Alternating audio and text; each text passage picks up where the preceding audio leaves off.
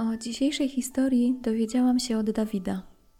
Mniej więcej miesiąc temu otrzymałam od niego wiadomość e-mail, w której podesłał linka do sprawy i zapytał, czy nie zainteresowałabym się nią i nie zrobiła może odcinka na ten temat.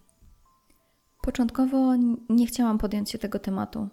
Sprawa mnie po prostu przytłoczyła. Absurdalność motywów tej zbrodni, jak i zimna krew mordercy, no to było dla mnie chyba trochę za dużo. Ale minął miesiąc, temat cały czas chodził mi po głowie i stwierdziłam, że chętnie się z Wami podzielę tą historią. Przenosimy się do Bydgoszczy, do roku 1996. 1 października, mniej więcej około godziny 12, do mieszkania znajdującego się w dzielnicy Fordon wraca Kasia. Spodziewała się, że drzwi będą otwarte, bo myślała, że jej dwunastoletni brat Dawid tego dnia nie pojechał do szkoły, tylko właśnie został na cały dzień w mieszkaniu. Naciska na klamkę i czuje, że drzwi są zatrzaśnięte. Chwilę siłuje się z nimi, po czym udaje jej się wejść do środka i tam w przedpokoju zauważa, że chodnik, który zawsze leżał prosto, został wsunięty pod szafkę. Dziewczyna się niepokoi i zaczyna nawoływać swojego brata. Nikt jej jednak nie odpowiada, więc wchodzi do jednego z pokojów.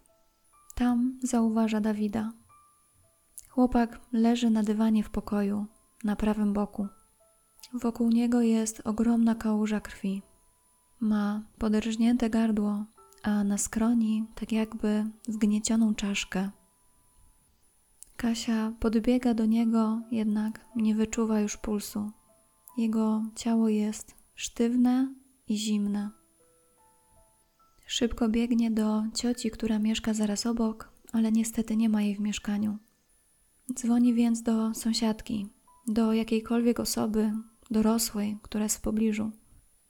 Tą sąsiadką jest pani Sylwia, która od razu razem z Kasią biegnie do jej mieszkania, żeby zobaczyć, co się stało.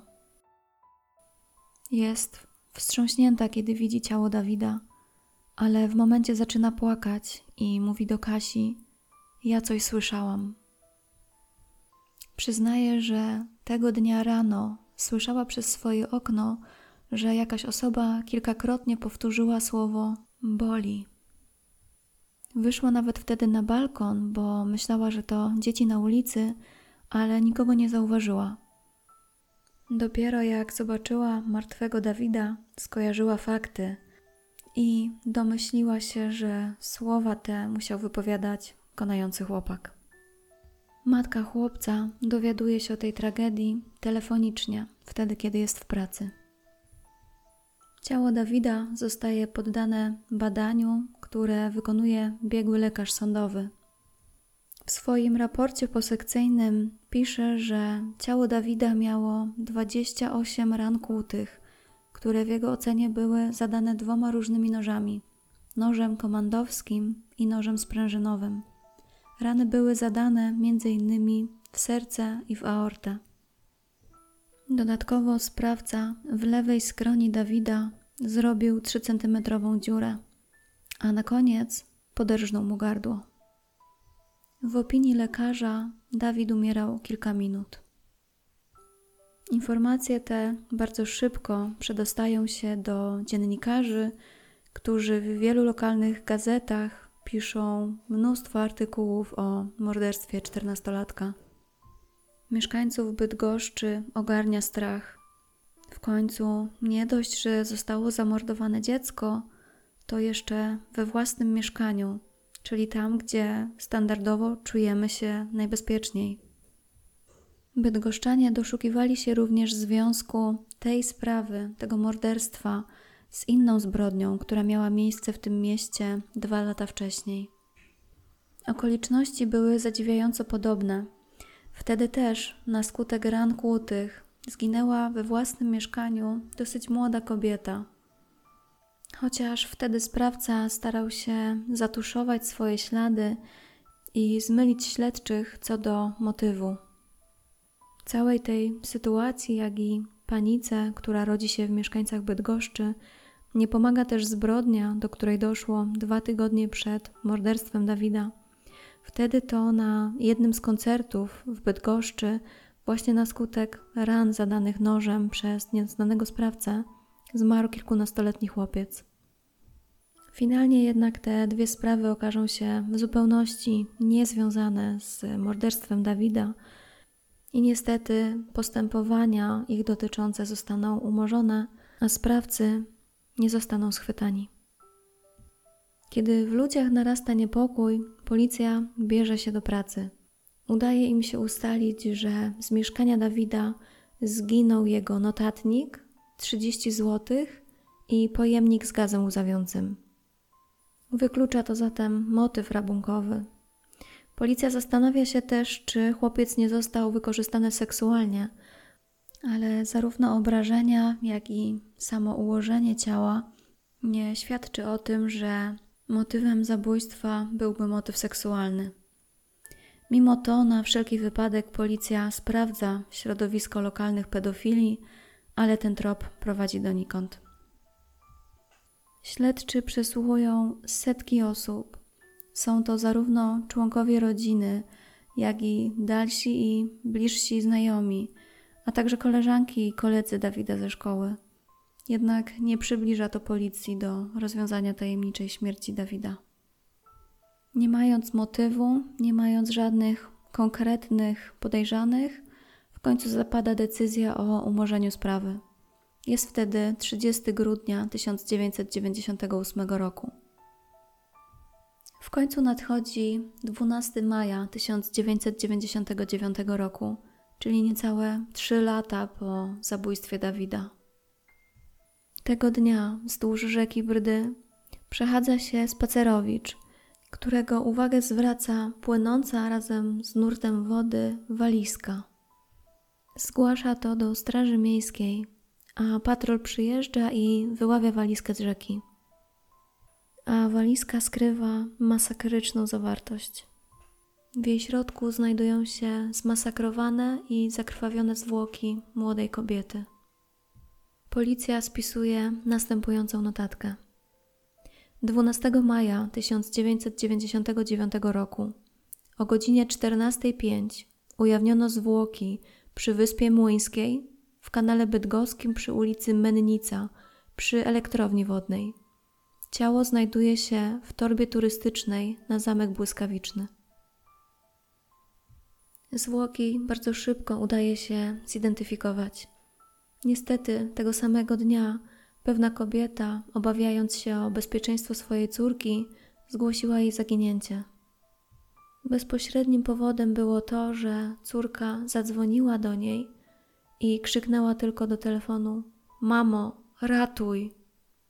A potem można było usłyszeć już tylko głuchy huk, tak jakby coś ciężkiego upadło na podłogę i połączenie zostało zerwane. Ofiarą okazuje się być szesnastoletnia Dominika, mieszkanka Bydgoszczy. Policji bardzo szybko, bo już mniej więcej po trzech godzinach, udaje się wytypować głównego podejrzanego. Jest nim dziewiętnastoletni Jacek Balicki. Dominika zamieszkiwała tę samą kamienicę przy ulicy Gdańskiej, co Jacek. Od wielu lat byli sąsiadami, a ich mieszkania łączył wspólny korytarz i łazienka.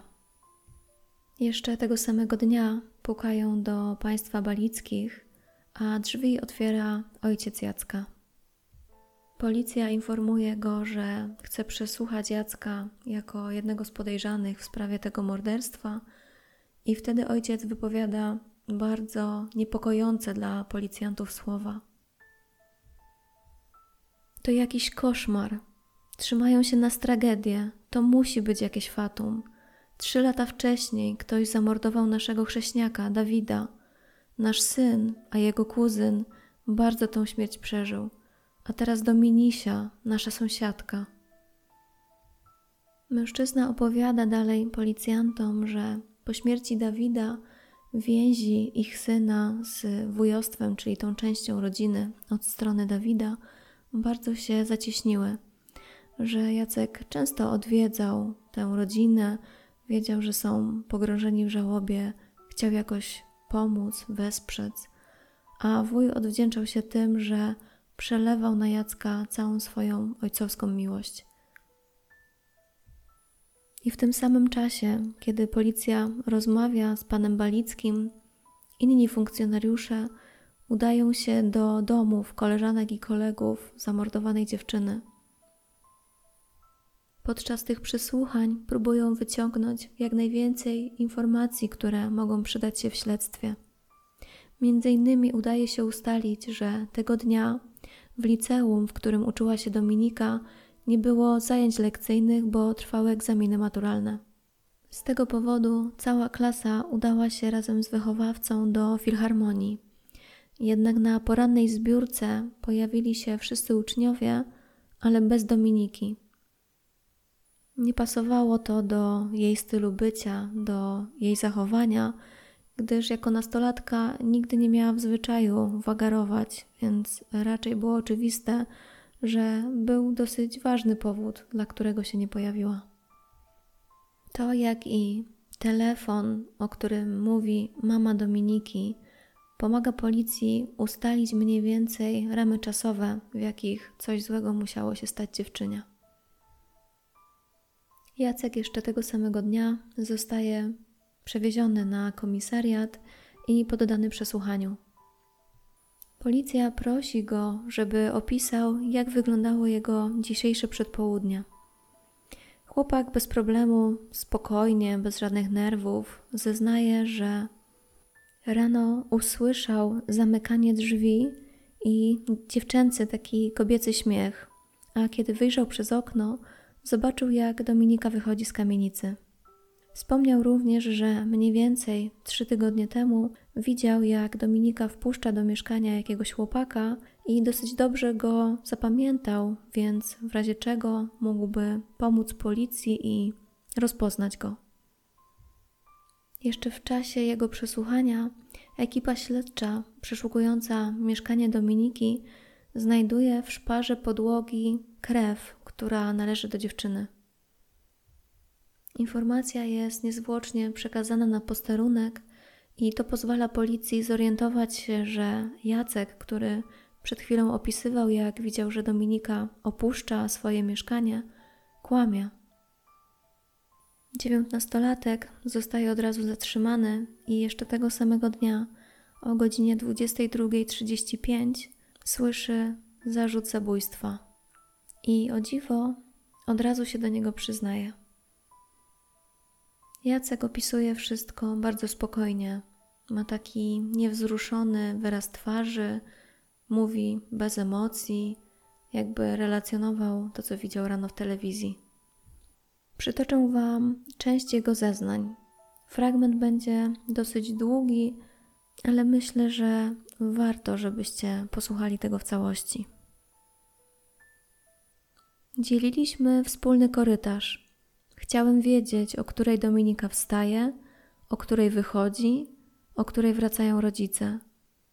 Dwa tygodnie wcześniej przyszła mi do głowy myśl, żeby zabić Dominikę.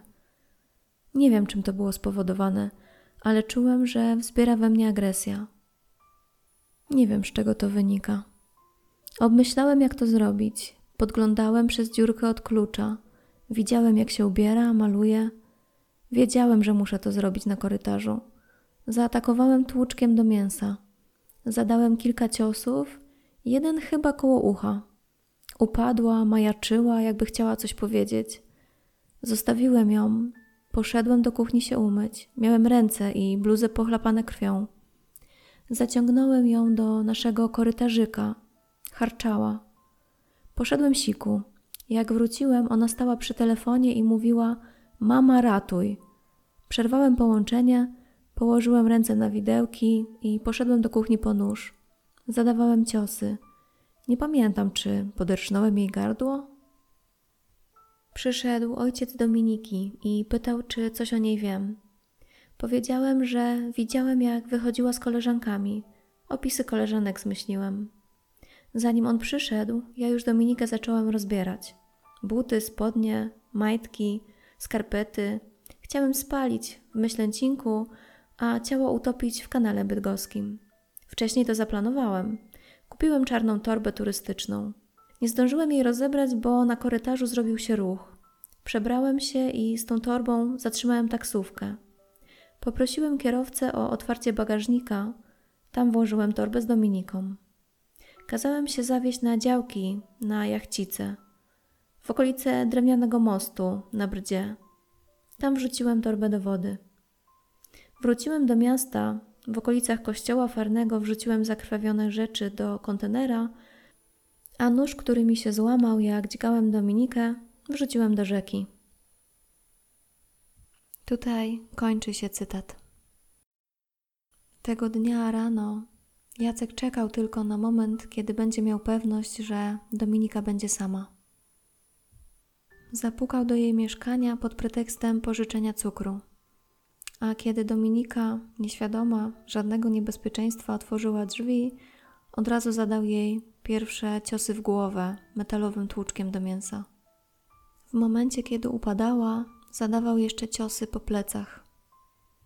Ciosy padały tak długo, aż dziewczyna straciła przytomność.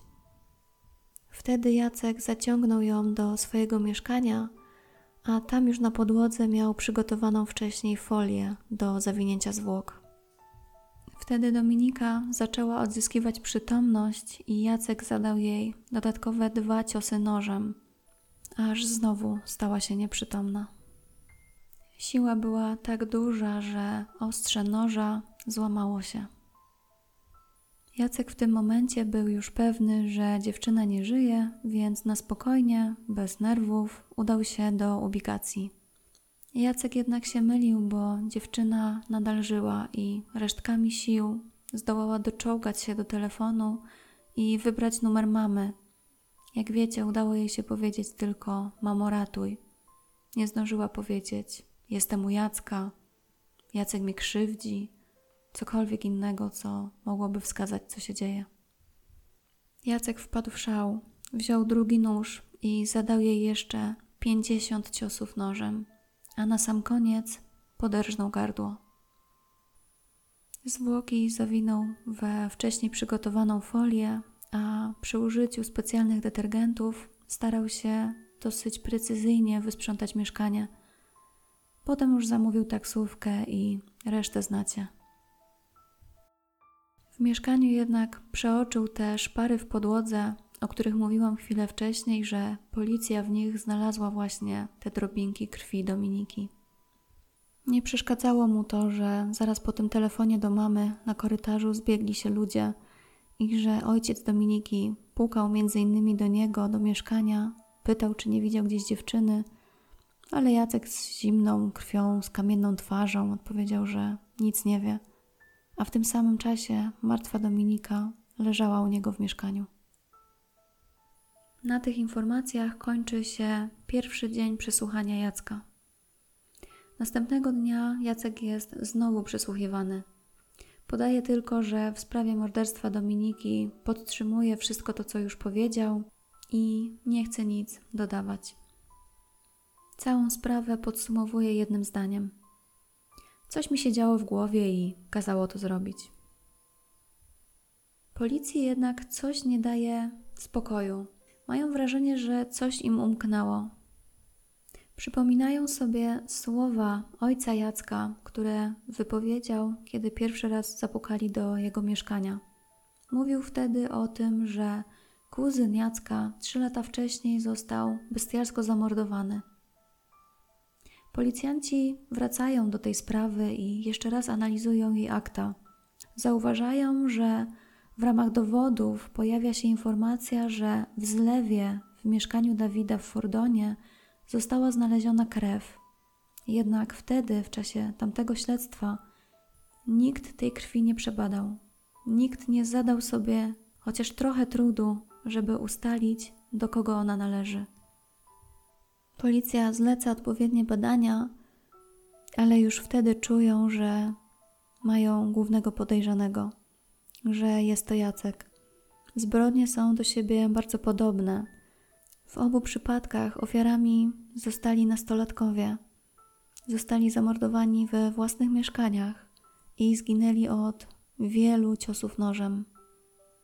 Prokuratura na nowo otwiera śledztwo w sprawie śmierci Dawida, a w międzyczasie przychodzą wyniki badań krwi znalezionej w zlewie. Krew należy do Jacka. Podczas drugiego etapu przesłuchania Jacek przyznaje się do zamordowania swojego kuzyna. I tutaj też chciałabym Wam przytoczyć fragment zeznań.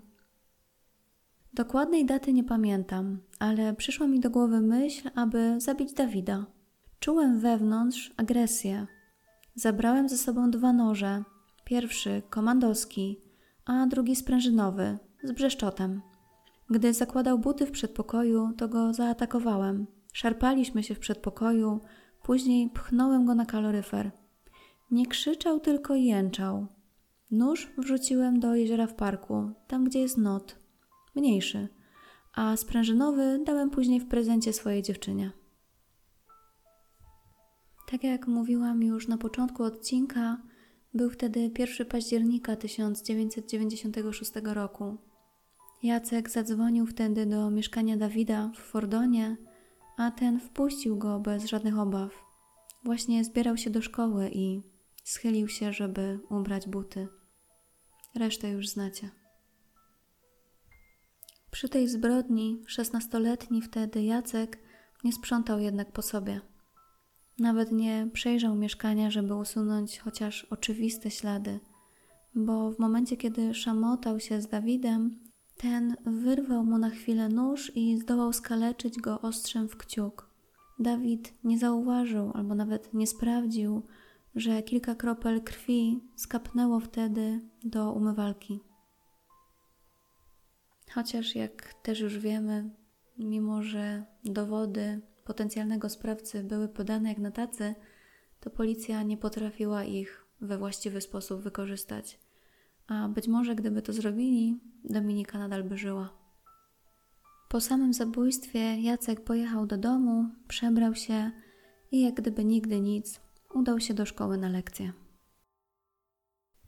Jacek tak w ogóle przy okazji morderstwa Dawida był przesłuchiwany tego samego roku, kiedy było morderstwo, ale 5 grudnia, czyli dwa miesiące później.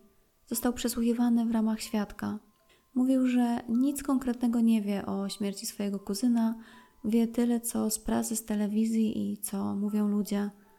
Był bardzo opanowany, spokojny. Zresztą po latach policja sama się dziwi, jak tak młody chłopak, bo miał wtedy 16 lat, wytrzymał wielotorowe i wielogodzinne sesje przesłuchań, że policja była przekonana, że bez odpowiedniego przygotowania do takich przesłuchań nie jest możliwe, żeby tak młoda osoba była tak odporna na te wszystkie pytania i nie zdradziła się niczym, że brała udział w tak masakrycznej zbrodni.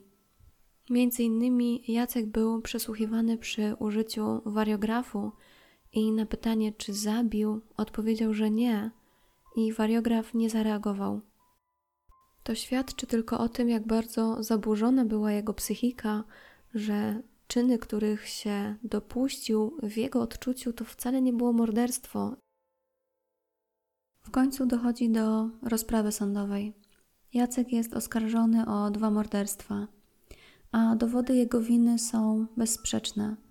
Policja ma zabezpieczone ślady krwi na jego odzieży, ślady krwi znalezione w mieszkaniu Dawida, kawałek złamanego noża odnaleziony na dnie rzeki, potwierdzenie z telekomunikacji, że Dominika dzwoniła do mamy z mieszkania Jacka.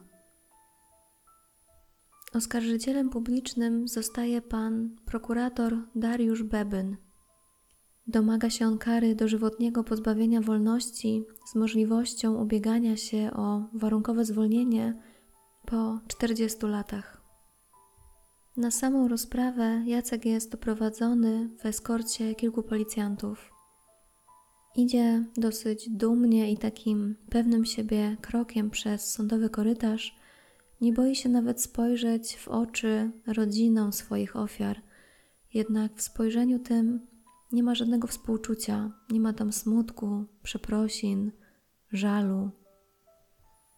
Na pytanie jednego z dziennikarzy, którzy wtedy go zaczepili, czy żałuje tego, co zrobił, odpowiedział tylko: Bo ci zaraz wykurwie.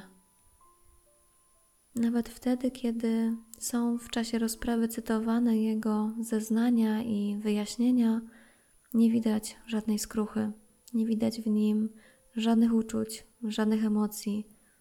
Ojciec Dominiki skomentuje później, że zachowuje się tak samo pewnie jak po morderstwie jego córki. Wtedy, kiedy otworzył drzwi do swojego mieszkania i zaoferował pomoc przy poszukiwaniach Dominiki, wiedząc, że leży martwa z tyłu. Pan Stanisław, czyli ojciec Dominiki, dodaje tylko, że w czasie tej rozprawy na jego twarzy brakowało tylko uśmiechu. Na sali sądowej zostaje też zaprezentowana kaseta wideo, na której nagrana została wizja lokalna przeprowadzona przez policję dzień po zatrzymaniu Jacka. Na ławie, gdzie zwykle siedzi obrońca, ustawiono telewizor i pokazano, jak Balicki prezentuje, jak kolejno zabił Dawida, a potem Dominika. Na nagraniu widać, że brakuje mamy Dawida. Nie chciała uczestniczyć w tej wizji, było to ponad jej siły. Ale na nagraniu widać też tatę chłopaka. Stoi na balkonie i odpala zdenerwowany papierosa od papierosa. Na sali sądowej udało im się obejrzeć cały film. Jednak rodzice Dominiki, mimo że chcieli obejrzeć tę wizję lokalną, w pewnym momencie po prostu musieli wstać i wyjść. Nie byli w stanie tego obejrzeć. Wszystkie te emocje potęgowało też to, że na nagraniu widać, jak Jacek spokojnie opowiada o szczegółach obydwu zbrodni i pokazuje wszystko z takim drwiącym uśmieszkiem na twarzy, bawiąc się przy tym nożem jak długopisem. Rodzice zamordowanego chłopca są jednymi ze świadków w sprawie. Tata Dawida wspomina, jak zabierał swoje dzieci, czyli Dawida i Kasię, która znalazła później jego zwłoki, jak też Jacka i jeździli razem na wycieczki rowerowe. Według niego Jacek zawsze był grzecznym i wesołym chłopcem, a po śmierci Dawida traktował go nawet trochę jak własnego syna. I kiedy policja powiedziała mu, że Dawid jest oskarżony o zabójstwo, nie chciał w to uwierzyć. Mówi, że wstrząsnęło to nim i mimo, że gdzieś tam kiedyś przeszło mu przez myśl, że może Jacek jest sprawcą albo wie coś o zbrodni, to tak szybko jak ta myśl się pojawiła, tak szybko się ulotniła. W końcu tata Jacka był ławnikiem, więc jak to możliwe, żeby w rodzinie ławnika działy się takie rzeczy? Później zeznaje też mama Dawida. Mówi, że pamięta, że Jacek był na pogrzebie jej syna, był na mszy żałobnej, a potem nawet przychodził wielokrotnie do nich do mieszkania. Wspomina też, że pamięta, jak Jacek przyszedł do nich w odwiedziny, kiedy urodził im się kolejny syn, Bartosz. Był to koniec 1998 roku. Jacek wziął wtedy małego brzdąca na ręce, a jego mama zrobiła im zdjęcie. Prawie pół roku później, a miesiąc przed zabójstwem Dominiki, udali się oni do państwa balickich, a Jacek wtedy wyciągnął album ze zdjęciami, między innymi ze zdjęciem, na których trzyma małego Bartusia na kolanach.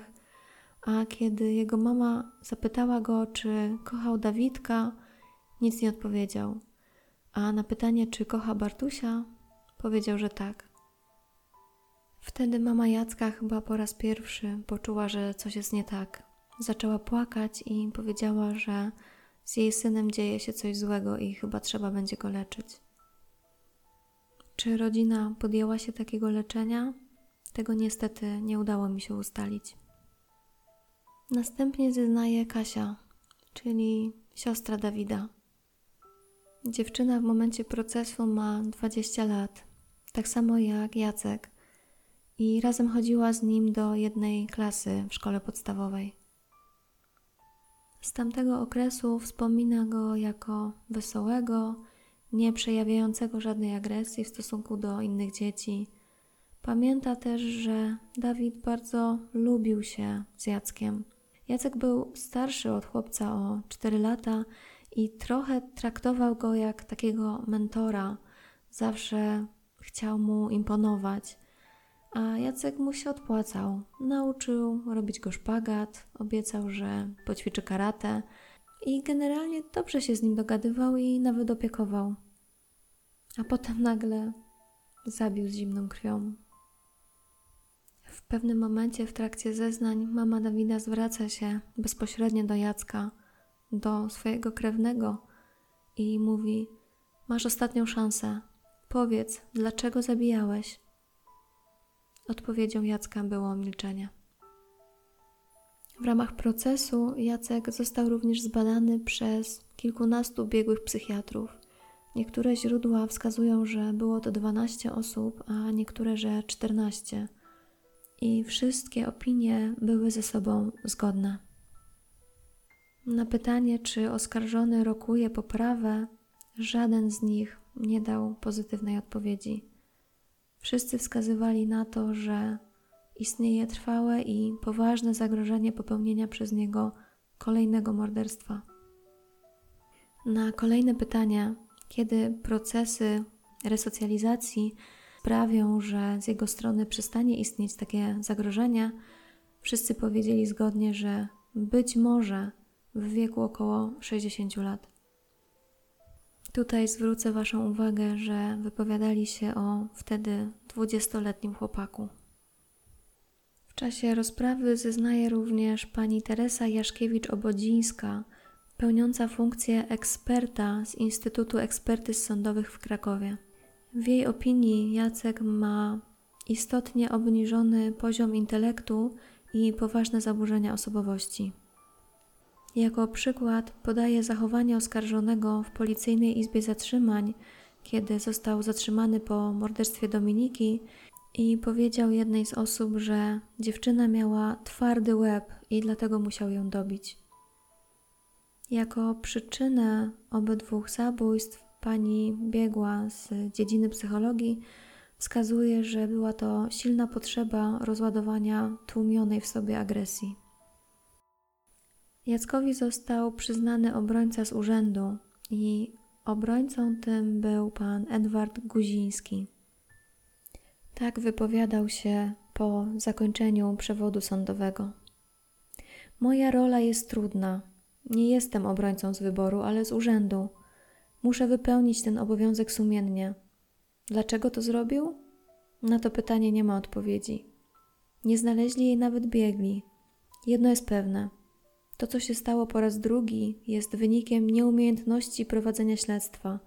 On zostawił mnóstwo śladów, a śledczy nie potrafili go znaleźć. Gdyby właściwie wykorzystano te materiały, nie mielibyśmy do czynienia z drugą zbrodnią. Obrońca prosił sąd o nadzwyczajne złagodzenie kary albo wymierzenie jej w dolnych granicach, czyli od 8 do 12 lat pozbawienia wolności. Adwokat Jacka twierdził, że taką okolicznością łagodzącą jest to, że jego klient sam przyznał się w sumie do morderstw i szczegółowo wyjaśnił ich okoliczności, a więc tym samym sam dostarczył prokuraturze dowody swojej winy. Na koniec rozprawy jeszcze rodzice zamordowanych nastolatków wnieśli jako oskarżyciele posiłkowi, że Chcą, by sąd wydał polecenie, aby za każdym razem, kiedy Jacek zmieni swoje miejsce pobytu, zostali o tym poinformowani. Motywowali to tym, że boją się o siebie. Wyrok zapada w piątek, 21 lipca 2000 roku. Sąd orzeka karę dożywotniego pozbawienia wolności, jednak nie przychylił się do wniosku prokuratury, by oskarżony mógł ubiegać się o warunkowe zwolnienie po 40 latach. Praktyce oznacza to, że Jacek będzie mógł ubiegać się o takie przedterminowe zwolnienie po 25 latach, czyli w 2025 chyba że czas spędzony w areszcie zostanie mu zaliczony na poczet kary. Wtedy będzie mógł ubiegać się o to odpowiednio wcześniej. W uzasadnieniu wyroku sędzia podkreślał, że nie dopatrzył się żadnej okoliczności łagodzącej. W jego ocenie nie miał znaczenia młody wiek skazanego, ani to, że przyznał się do morderstw. W końcu przyznał się, bo i tak dowody na niego wskazywały. Ponadto w przeprosiny, na które w końcu się zebrał, nikt nie uwierzył. Sąd użył też argumentu, że tylko i wyłącznie taka forma kary sprawi, że Jacek nikogo już nie zabije.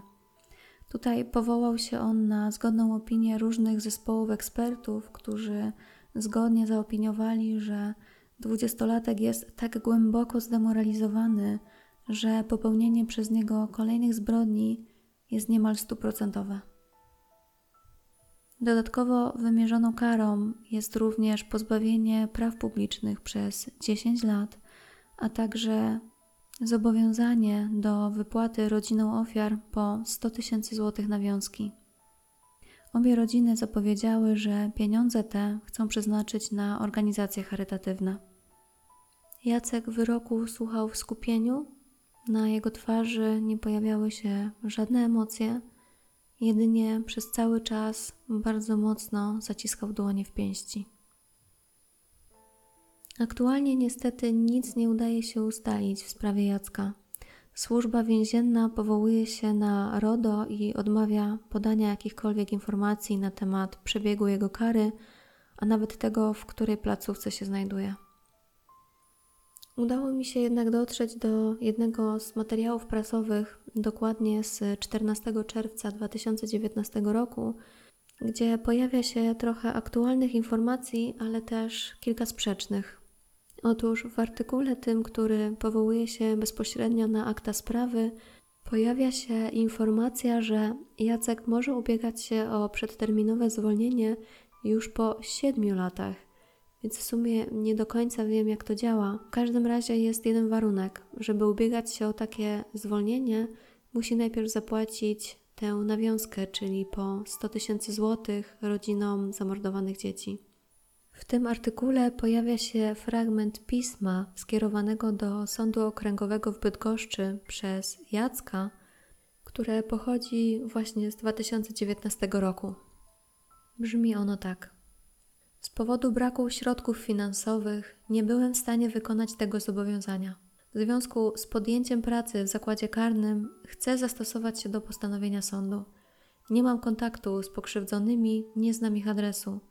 Proszę skierowanie mnie przez sąd do mediacji, które mogłyby objąć ustalenie formy spłaty zadośćuczynienia.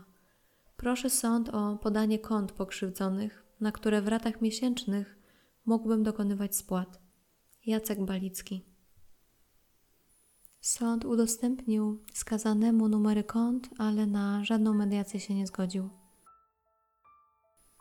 I taka jeszcze dodatkowa informacja.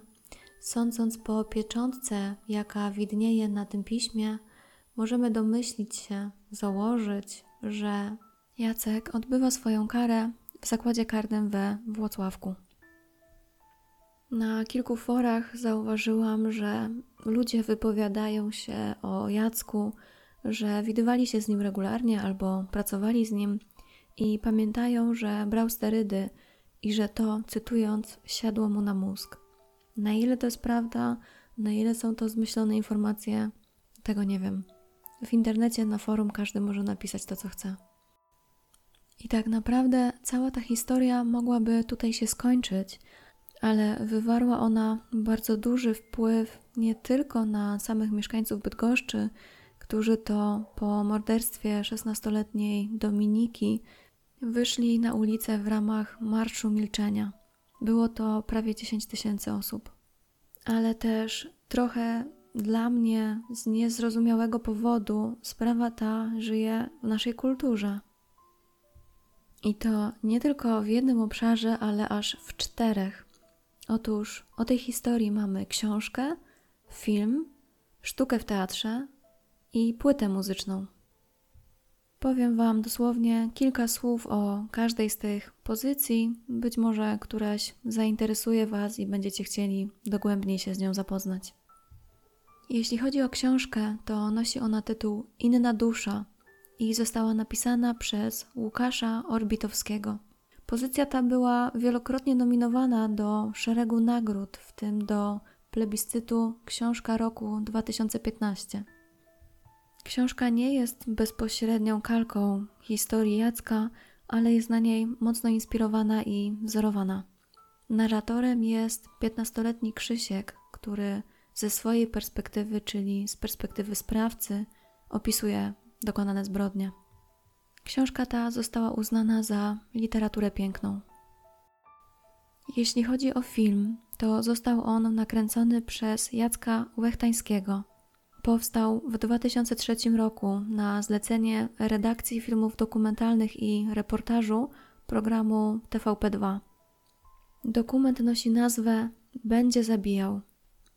Tytuł filmu nawiązuje bezpośrednio do opinii ekspertów, biegłych psychologów i psychiatrów, którzy stwierdzili, że po wyjściu na wolność Jacek praktycznie na pewno dopuściłby się kolejnego morderstwa. Nie udało mi się niestety dotrzeć do tego filmu, a bardzo chciałam go obejrzeć. Pisałam nawet w tej sprawie do redakcji TVP2, żeby dali informację, czy gdzieś w ogóle można obejrzeć ten dokument, jeśli tak, to w jaki sposób. Jednak moje kilkakrotne prośby zostały bez odpowiedzi. Jeśli jakimś sposobem i jakimiś kanałami udałoby się Wam dotrzeć do tego materiału, podzielcie się proszę informacją w komentarzu. Trzeci obszar kultury to płyta, a w zasadzie dwie płyty zespołu Egoistic. Wokalista znał Dominikę od lat przedszkolnych, chodził z nią nawet do tej samej klasy w liceum. Mówi, że ta historia bardzo nim wstrząsnęła i miała istotny wpływ na jego życie i z pewnością na jego muzykę. Jedna z płyt tego zespołu, Critical Negative, w całości jest poświęcona tej zbrodni, a kolejna płyta, Sacramental Devotion, w części nawiązuje do tej historii. No i o ile z filmem, książką albo płytą dotyczącą jakiejś zbrodni na pewno niejednokrotnie się spotkaliście, tak samo ja, tak ze sztuką w teatrze już chyba niekoniecznie. W bydgoskim teatrze była grana sztuka będąca adaptacją książki Inna dusza, która właśnie traktowała o tej historii. Z mojej strony w tej sprawie to wszystko. I na koniec, jak to chyba już staje się powoli tradycją tego kanału, krótka informacja o kanale innych twórców. Tym razem padło na kanał, który nazywa się Domniemanie Niewinności i jest dostępny na YouTubie. Prowadzą go dwie dziewczyny, Natalia i Ola, które nagrały już dosyć dużo odcinków, bo aż 20, a mimo wszystko trafiły do nieznacznej liczby odbiorców, także zajrzyjcie na ich kanał i posłuchajcie tego, co prezentują i być może Was to zainteresuje. Sprawy są ciekawe i mimo dosyć trudnych początków i tych pierwszych odcinków, które może nie mają najlepszej jakości, Późniejsze, prezentowane już przez poszczególne dziewczyny, a nie w formie rozmowy, tak jak jest to w pierwszych odcinkach, są już naprawdę fajne. Na dzisiaj to wszystko, także słyszymy się niedługo. A jeśli moglibyście w wolnej chwili dać mi znać w komentarzach, o jakiej sprawie chcielibyście posłuchać, to może uda mi się przygotować na jej temat odcinek. Do usłyszenia. Cześć.